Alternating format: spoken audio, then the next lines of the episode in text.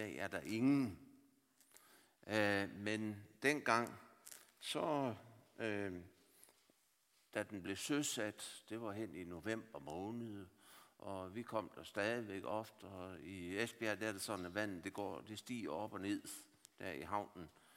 Så øh, efterhånden så øh, blev det også vinter, og der kom tykler is på, på havnen, og øh, øh, der blev glat, og jeg var syv år og stod op på lønningen, altså op på kanten der, og så ville jeg springe over til kajen, men der var for langt. Jeg kunne ikke, mine, mine arme kunne ikke, kunne ikke, jeg havde set, at der var no, sådan nogle togender, som jeg kunne have holdt fast i, men øh, jeg, jeg røg ned der, og øh, jeg var op tre gange, og øh, så det betød jo, at, at man kommer ikke op fjerde gang. Så min far hoppede i efter mig, så da vi kom hjem til havelån, så sagde jeg til, til lige så højt jeg kunne, øh, jeg vil ikke være fisker. Det kunne han ikke forstå, og han forstod det aldrig. For han sagde, det var altid det, det, var det bedste erhverv. Men øh, jeg fik et andet erhverv. Jeg kom i murlærer. Men så var det så, og så kommer det der med, noget af det der med Viborg ind. Så kom der en ny præst til byen. Han kom senere her til Viborg. Han var ude ved Søndermarkskirken der. Han hed Kirke Hov. Jeg ved ikke, om der er nogen, der, øh, der kan huske ham.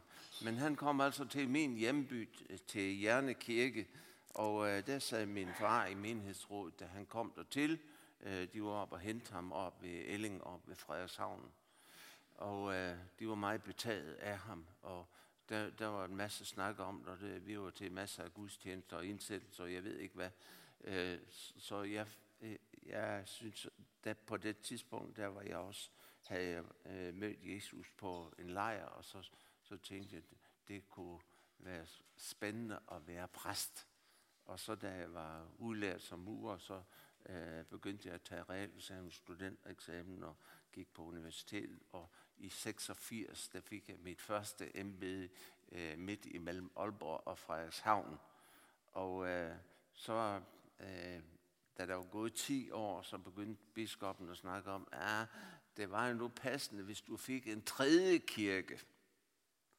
Og øh, det havde jeg simpelthen bare ikke lyst til. Øh, fordi det var sådan lidt vanskeligt sovn. Øh, og øh, så øh, kom der alle de motorveje derop og alt det der. De skilte det hele fuldstændig ad. Så jeg tænkte, så må du søge væk derfra. Og så øh, kom vi til Tyberon, og det blev sådan øh, noget helt andet. Men det lugtede jo af fisk, ikke sandt? Så, øh, og apropos, jeg kunne, jeg kunne ikke lade være med anden at lige nævne det der med din indledning der med salt. Øh, for det har sådan en, en speciel betydning i Tyberon. Øh, for mange år siden, der, havde man, der øh, havde, tog man vand fra undergrunden. Og så pludselig så skulle man have, have, have, have noget andet. Øh, øh, man havde ikke vand nok omkring Lemvi.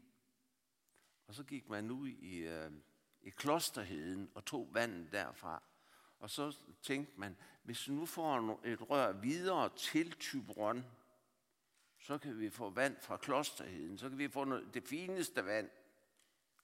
Og det gjorde man. Men folk de kunne ikke lide kaffen.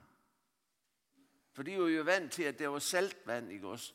Så til at begynde med, der prøvede man, der prøvede man jo en skifuld salt i kaffen, for, for at den kunne smage, ligesom den har gjort til. Så det er ikke mange steder i landet, man har gjort det, men det har man altså gjort derude. Nå, vi er ved noget helt andet, men lad os lige en gang samle vores tanker ved at få vores hænder og bede til Gud. Du var himmelske far, tak og lov og pris, for at vi får lov til at være samlet i dit navn. Tak for, at du er god. Tak for, at du har skabt os. Og du, at du ved, Jesus også har genløst os. Vi beder dig om, at vi må få lov til at se ind i dit herlige værk med os. At vi må blive ledt og ført af din vej. At vi må nå det mål, som du har for os. både for tid og for evighed, for dit eget navns skyld ved din gode helligånd. Amen. Øhm, indimellem, der kan man høre en lidt vidløftig snak, især når to mennesker af hver sit køn er blevet forældre. Og så omtaler de årsagen til hændelsen. Vi har lavet et barn. Men det er jo egentlig at fjerne Gud. Og livet er i sin oprindelse ikke fjernt fra Gud. Tværtom, vi bekender, vi tror på Gud Fader, himlens og jordens skaber. Det betyder, han er ophav til alt. Vi er ham alt skyldig i vores liv. Vi tilhører i bund og grund ham på alle områder i vort liv. Det er ikke dårligt at tilhøre ham. For i Bibelen beskrives Gud som værende både omsorgsfuld og opdragende. Det eneste dårlige opstår, når et menneske ikke ved dåb og tro bliver forenet med Gud ved syndens gerning. Det betyder, så falder man i den levende Guds hænder. Og det er det diametralt modsatte af at være ved synden. Hvor man lever trygt, hvor man lever uden frygt i tilværelsen. Uden Gud er det nemlig et liv uden håb. Overladt til sig selv, ja, man er under det ondes herredømme. Trygheden er, at Gud er almægtig. Han har ubegrænset magt og kan bruge den efter sin vilje.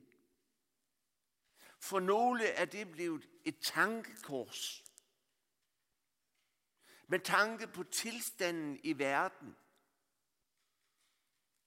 En udfordring. En har sagt det sådan. Jeg vil gerne tro. Jeg vil gerne tro, at Gud er god. Men så kan han ikke samtidig være almægtig. For så ville verden være bedre at leve i. For hvorfor bruger han nu ikke sin almagt til at udrydde det onde fra verden? Men problemet det er ikke så enkelt.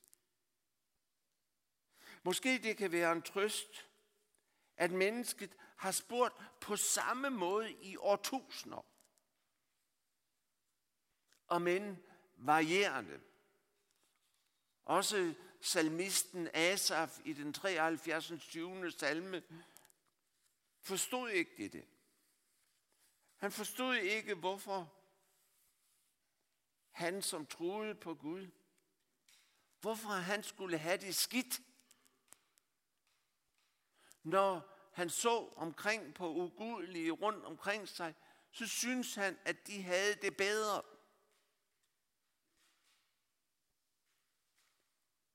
Det onde er og bliver en magtfaktor uden for mennesket.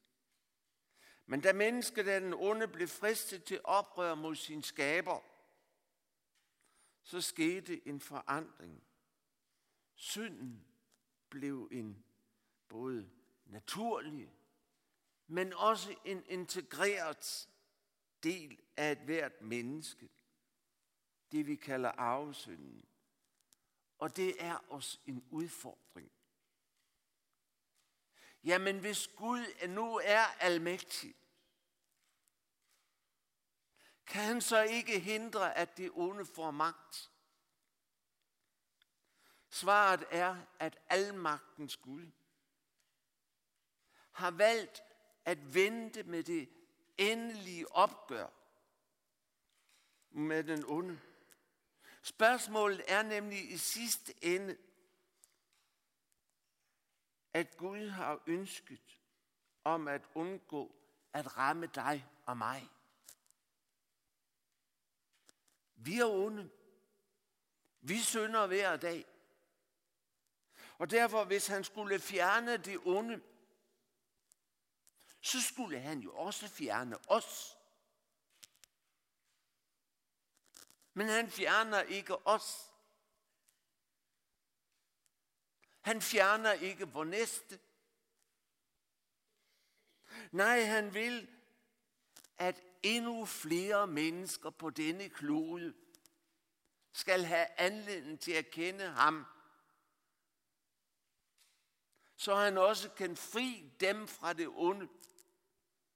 Eller sagt på en anden måde med Nyt Testamente, han vil, at evangeliet skal nå til verdens ende,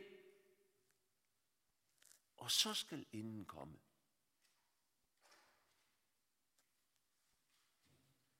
Så er det slut. Der er mange spørgsmål til det onde, som vi ikke kan besvare. Mens der er nogle, vi kan besvare bekræftende på. Vi kan spørge, har Gud skabt en vej ud af syndefaldets konsekvenser? Jo, det har han. Hindrer Gud indimellem, at det onde kommer til udfoldelse? Ja, det gør han. Har Gud nogle gange vendt det onde til det gode? Ja, det har han. Kommer det, som sker, til at tjene til gode for dem, som elsker Gud? Ja, siger Paulus. Det gør det. Guds almagt omhandler også skaberværket. Alt, hvad der eksisterer, synligt og usynligt, er skabt af Gud. Mennesket har altid spurgt, hvor kommer vi fra? Hvem er vi? Og hvor er vi på vej hen? Svaret er, Gud giver liv og ånd. Så hvis skaberen trak sit skaberord tilbage, så ville verden bryde sammen. Vi tænker ofte, Gud har skabt det hele, men det er os, der er årsag til, at jorden kaster det af sig, som dækker vores daglige behov. Med den tankegang, så bliver det daglige brød ikke en gave til den enkelte af os, men et resultat af vores indsats. Mennesket er skabt af Gud, og dermed også underlagt Gud. Når man læser skabelsesberetningen, så bliver man slået af harmonien i skaberværket. Årsagen, mennesket levede efter Guds vilje og bestemmelse. Men hvad var menneskets bestemmelse? Det skulle ikke leve i kraft af sig selv men i kraft af lydig afhængighed af Gud. Det skulle herske over jorden. Der skulle kun være én begrænsning i det nære. Du må spise af alle træerne, undtaget træet til kundskab om godt og ondt. Så længe de ikke spiste af dette ene træ, var forholdet skaber og skabning, så var det intakt. Men da de spiste og syndefaldet skete, så blev enheden brudt. Enheden skaber skabning. Og det er vores daglige udfordring. Mennesket er skabt i Guds billede. Mennesket kan kommunikere med sin skaber. Det kan bede til sin skaber. Det kan høre ham tale til sig. Mennesket blev skabt med en fri vilje. De første mennesker havde både evne og vilje til at leve efter Guds vilje. Det gav både ro, det gav harmoni. Det onde var ukendt, og mennesket var fuldkommet. Det kunne leve uden at gå på kompromis med Guds vilje. Men samtidig havde det mulighed for at fravælge Guds vilje. Og det skete. Og dermed var menneskets forhold som en fri skabning gå i fløjten. Det umiddelbare, det ligefremme forhold til Gud forsvandt med et. Nu ville de helst være ham for uden. De var videre på en dårlig samvittighed. Gudrangen til at kende godt og ondt, det udeblev totalt. Skønt det ellers var lovet dem af fristeren. Tilliden forsvandt. Frygten gjorde sit indtog, siger David i salme 51. Frygten for døden var der. For syndens løn er døden, siger Nyt Testamentet. Dermed indtrådte åndelig død, læmelig død, evig død. Og konsekvensen af faldet for fristelsen til noget stort, og være egen herre ført menneske bort fra tryghed og direkte ind i forbandelsen. Derfor, hvad er din og min udfordring som menneske? Det er, at vi kan ikke og vi må ikke være os selv nok. For er vi os selv nok, drejer alting sig kun om os selv, så er der kun den jordiske lykke. Og den ved vi godt, den kan være nok så umulig. Ingen af os er herre over sygdom. Ingen af os er herre over skilsmisse. Ingen af os er herre over økonomisk ruin. Og det har ødelagt livet for mange. Og det værste er, det ved vi godt, at livet kan ikke leves om.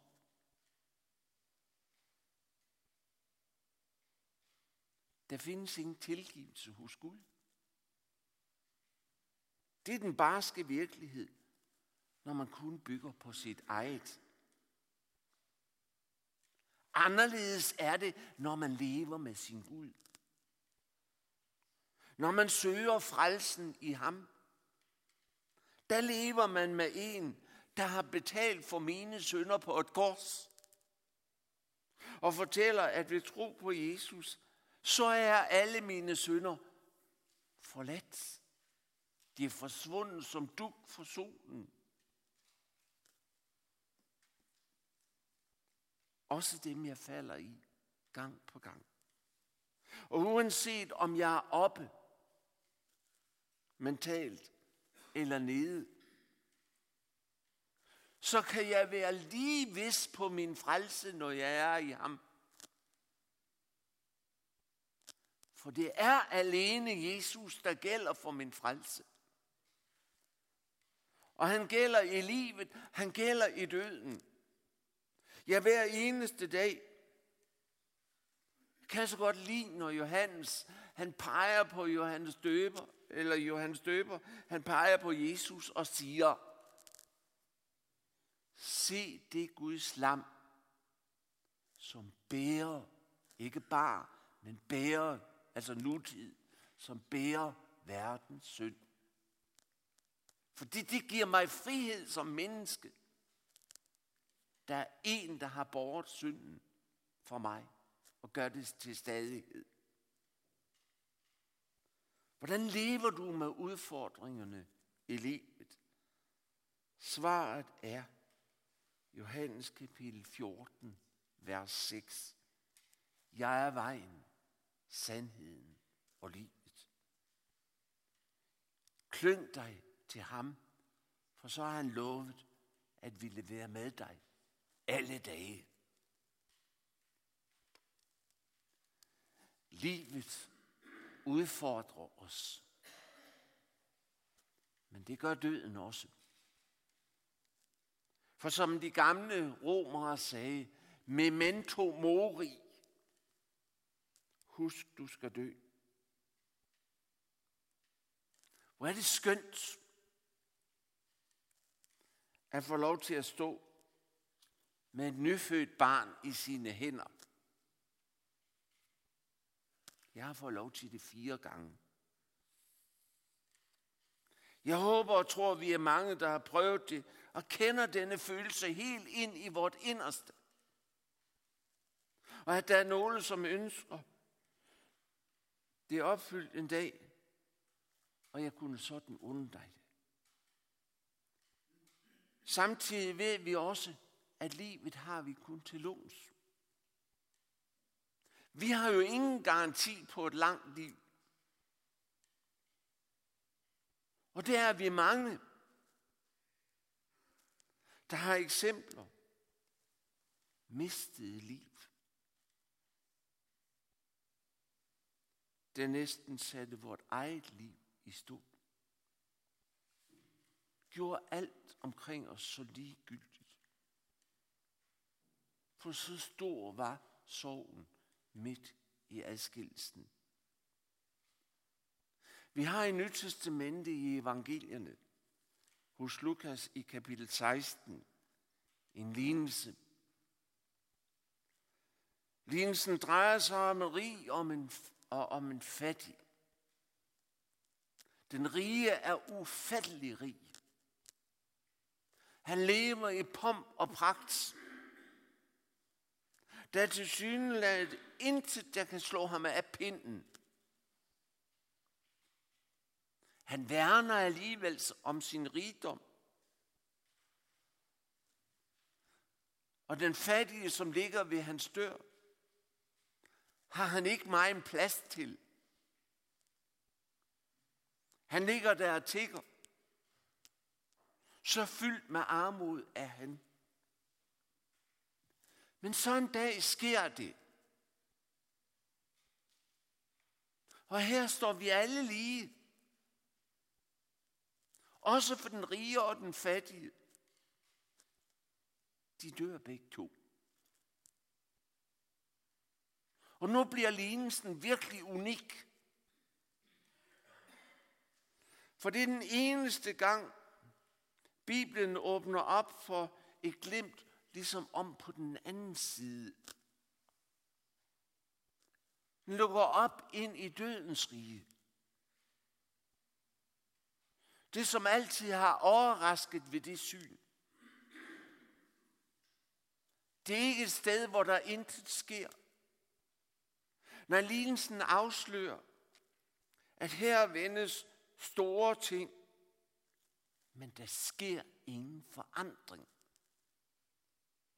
Det, der først og fremmest stikker ind i øjnene ved læsningen af lignelsen, og som klart fremgår af samtalen, den rige og den fattige får byttet roller.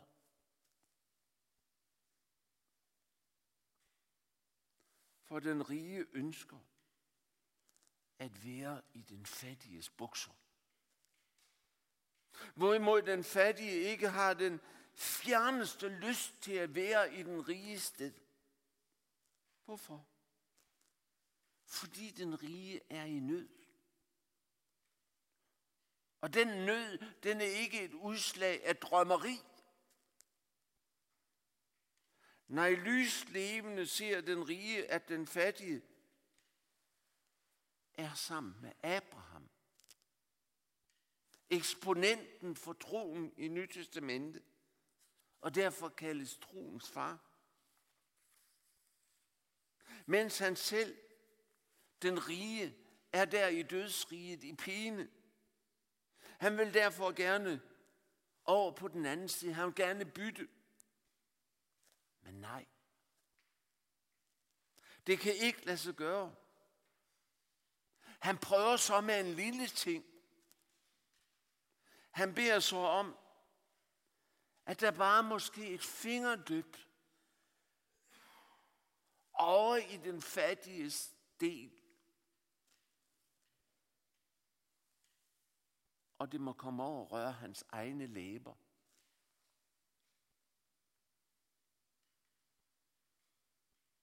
Men nej, situationen er fastlåst. Det er dødens konsekvens, men også den store udfordring. Derfor prøver den rige endnu et, for han sender bud om, at en må blive sendt til hans fars hus. At en af hans stadig levende brødre, eller flere af dem, må få en advarsel, mens de stadigvæk kan nå at reagere på tingene. Men nej, de får ikke noget særskilt.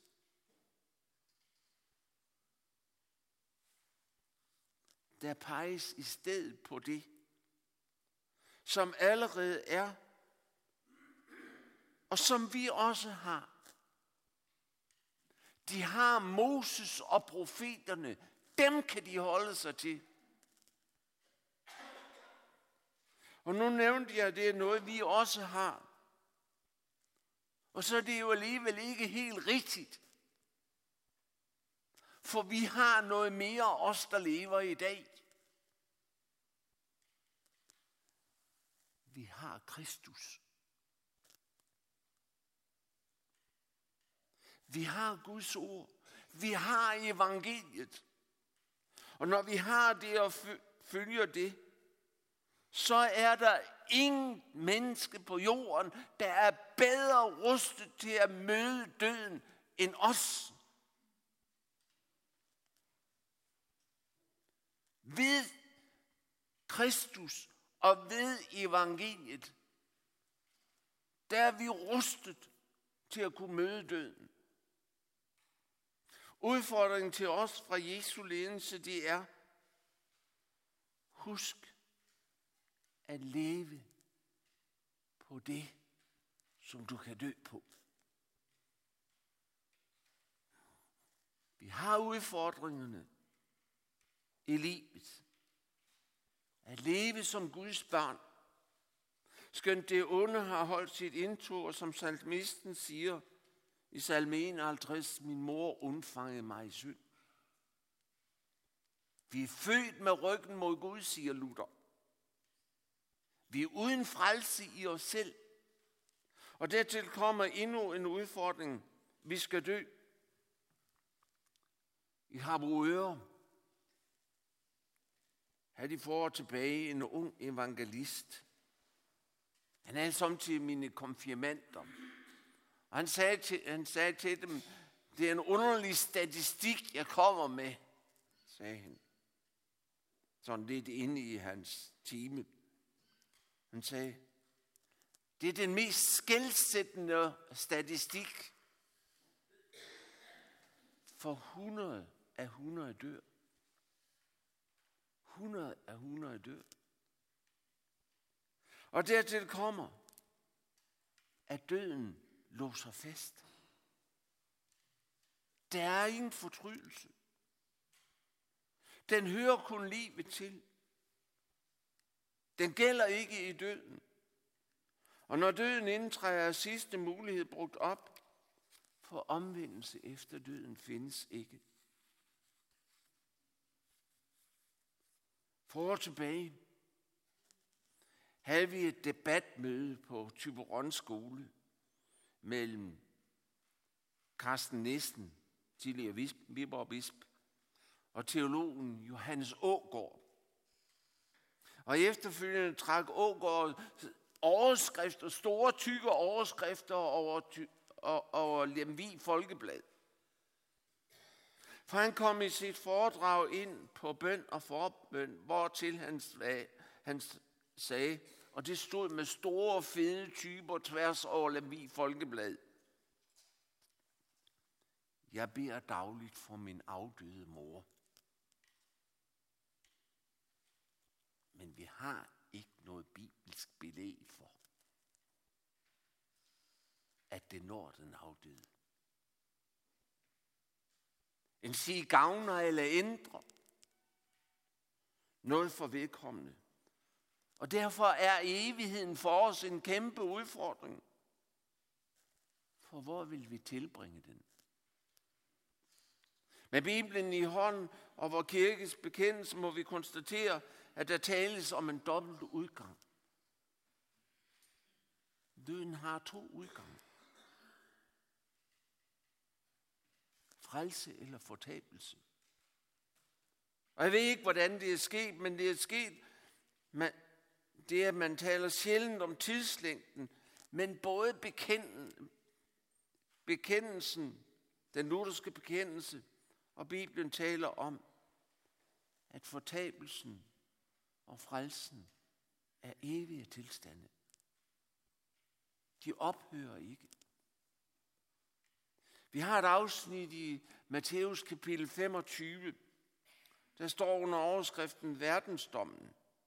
Og det afsnit taler om disse ting. Og i vers 34, der sidste til dem på den højre side. Kom i min, i min fars velsignelse, og tag det rige i arv, som er bestemt for jer fra verdens grundvold belagt. Det vi støder på her, det er spørgsmålet, findes der en prædestination, som man kalder det? Altså en forudbestemmelse. Et sted, hvor vi er forudbestemt til at skulle være og tilbringe evigheden. Nej, for jeg læser stedet sådan, at det er før syndefaldet, og der var frelsen et håb for alle. Men syndefaldet ødelagde det scenarie. I vers 41, der lyder det i samme kapitel, Matthæus kapitel 25. Nu til dem på den venstre side. Gå bort fra mig. I forbandet til den evige ild. Bemærk, evig. Til den evige ild, og dernæst fortsættes der med ordene, som er bestemt for djævlen og hans engle. Der står ikke mennesket, men for djævlen og hans engle.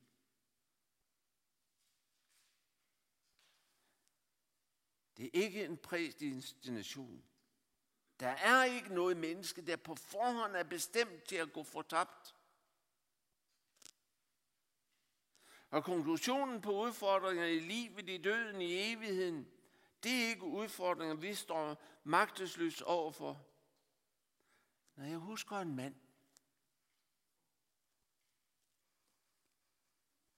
jeg besøgte ham. Han havde konflikt i sin familie. Han var dødssyg. Og han så døden i øjnene. Han vidste godt, at han snart skulle dø. Og han dybt bekymret for sin kone. For han troede ikke, hun magtede at være alene. Da han ridsede alle disse ting op for mig,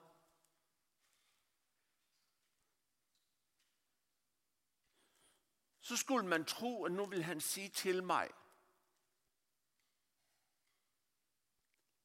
Hvad skal jeg stille op med det hele? Men ved du hvad, det sagde han ikke. Men han pointerede noget ganske andet. Han sagde til mig,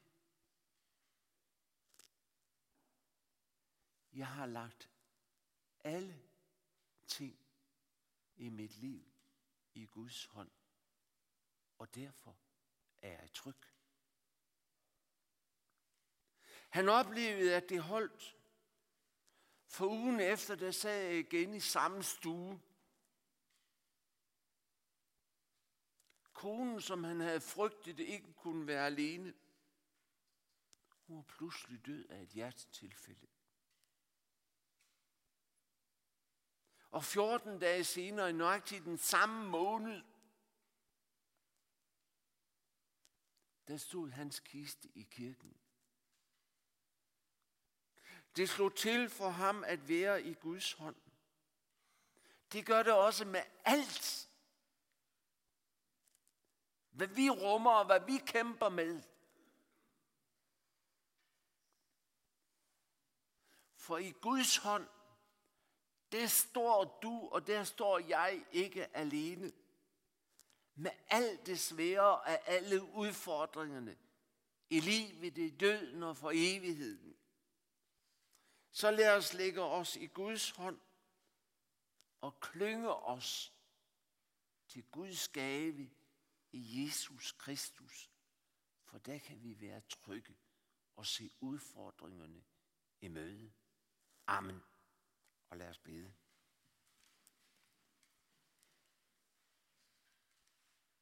Herre, tak og lov og pris, for at du giver og rækker os dit ord. Tak for, at du ser os som dine børn og har dine udbredte og åbne arme og siger til os, kom hed til mig, alle I, som er trætte og tyngede af byrder, og jeg vil give jer hvile. Og det beder vi dig om, for dit eget navns skyld. Amen.